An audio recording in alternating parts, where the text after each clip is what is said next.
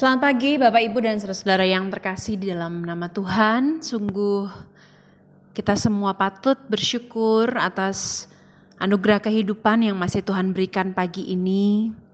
Nafas yang masih Tuhan berikan, aliran darah yang masih Tuhan berikan, kesegaran dan kebugaran setelah kita berjalan melalui banyak segala pergumulan dan kebahagiaan tentunya yang Tuhan izinkan. Mari sebelum kita akan memulai hari kita hari ini, memulai hari pertama di minggu terakhir di bulan April ini dengan mendengarkan sabda Tuhan yang menjadi salah satu sumber yang kuat, sumber kebahagiaan dan harapan hidup kita. Mari kita berdoa. Kami sungguh bersyukur untuk nafas kehidupan yang baru yang Tuhan sediakan bagi setiap kami hari ini. Kami bersyukur kami telah melalui malam gelap yang menolong kami untuk beristirahat dalam kasih sayangmu dan kami bangun dengan mentari pagi yang hangat yang menyinari tubuh kami dan memberi pengharapan. Biarlah hari ini firman Tuhan menyapa dan menguatkan kami, meyakinkan dan membuat kami bertahan di dalam segala hal yang harus kami tempuh hari ini untuk selalu yakin bahwa hanya Tuhan yang mengerti, hanya Tuhan yang melihat dan menilai hati kami.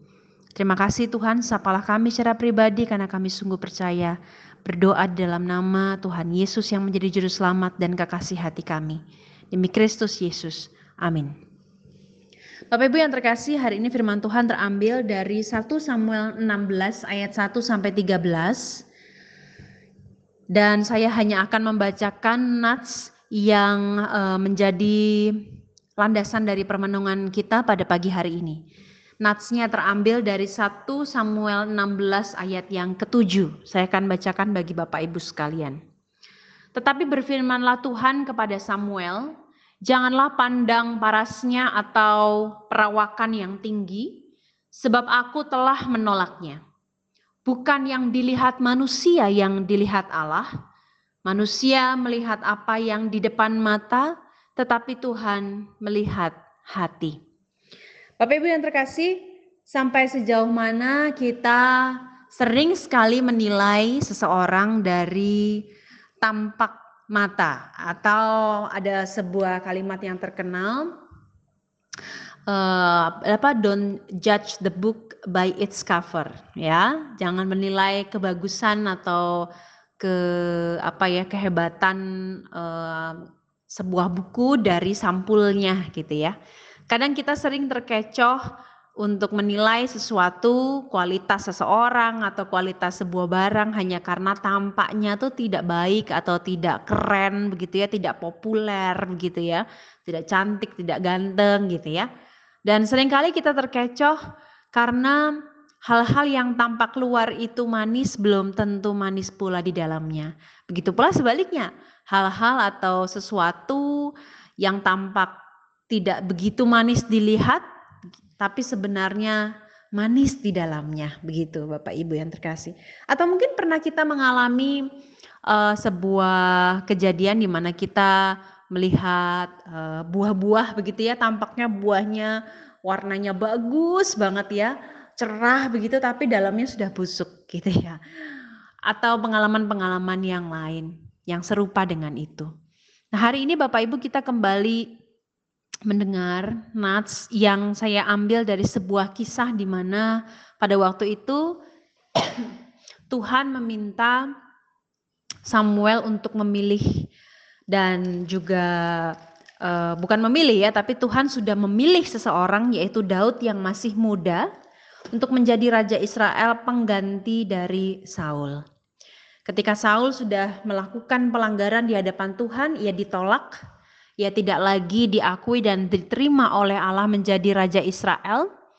Dan Samuel ditugaskan oleh Allah untuk pergi ke rumah Isai dan melakukan apa yang Tuhan sampaikan, yaitu untuk mengurapi seorang raja, seorang calon raja Israel di kemudian hari. Kita tahu tiga kali setidaknya Samuel salah melihat, salah menilai, atau sebanyak dua kali sebenarnya. Satu kali ia yakin bahwa yang terakhir ini kakak dari Daud yang terakhir ini memang bukan orang yang dipilih oleh Allah. Satu dan dua kali Samuel merasa bahwa kakak-kakak dari Daud yang badannya tegap ya, yang mungkin yang perawakannya oke okay, begitu untuk menjadi raja tinggi, tampan, gagah mungkin begitu ya, adalah orang yang dipilih Allah. Tetapi Allah mengingatkan Samuel bahwa ia melihat hati manusia. Manusia sering kali melihat rupa atau wajah atau bentuk luar, tetapi Tuhan sungguh-sungguh melihat hati. Sehingga ketika Samuel bertanya pada Isai, hanya inikah anak-anakmu?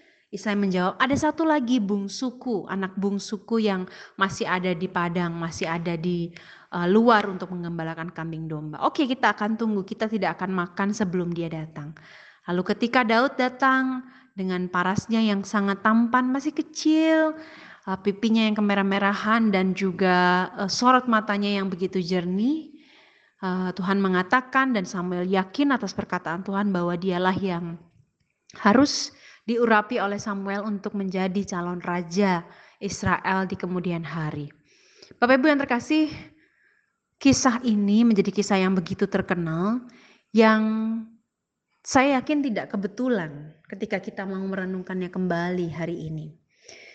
Di dalam kehidupan kita mungkin kita pernah salah dinilai orang gitu ya salah dinilai uh, hasil kerja kita atau perawakan kita atau cara kita bicara atau hal-hal yang sebenarnya terlihat dari luar.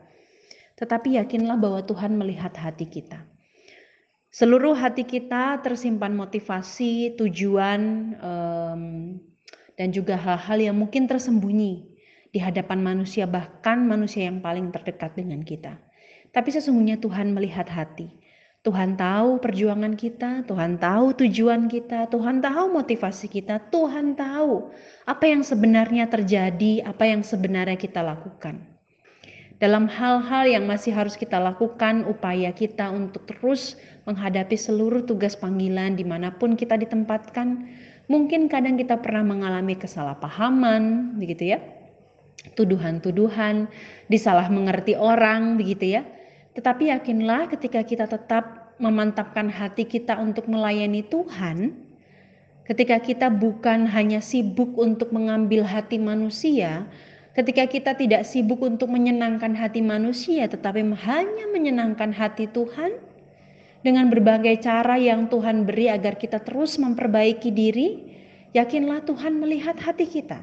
Tuhan melihat hati saya, Tuhan melihat hati saudara-saudara dan Bapak Ibu sekalian dan hati kitalah yang akan bersaksi tentang apa yang terus kita lakukan meski tak banyak dilihat orang, meski tak banyak dimengerti oleh orang. Oleh karena itu tetaplah yakin, tetaplah kerjakan, lakukan semua tugas kepercayaan yang didatangkan dari Tuhan kepada setiap kita dengan setia. Karena Tuhan yang berhak untuk menilai dan menghakimi kita. Tuhan yang berhak untuk menilai dan mengetahui sesungguhnya apa yang sedang sangat kita perjuangkan, yaitu untuk melakukan pengabdian dan cinta kita hanya kepada Tuhan. Oleh karena itu, mari kita menyibukkan diri untuk menyenangkan hati Tuhan.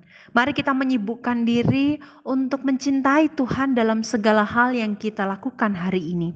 Apa pun yang manusia lakukan atau katakan atau nilai, Yakinlah ia sendiri yang paling tahu tentang kebenaran di dalam hati dan hal yang benar, hal yang kita lakukan suatu saat pasti akan berbuah sesuai dengan apa yang Tuhan inginkan.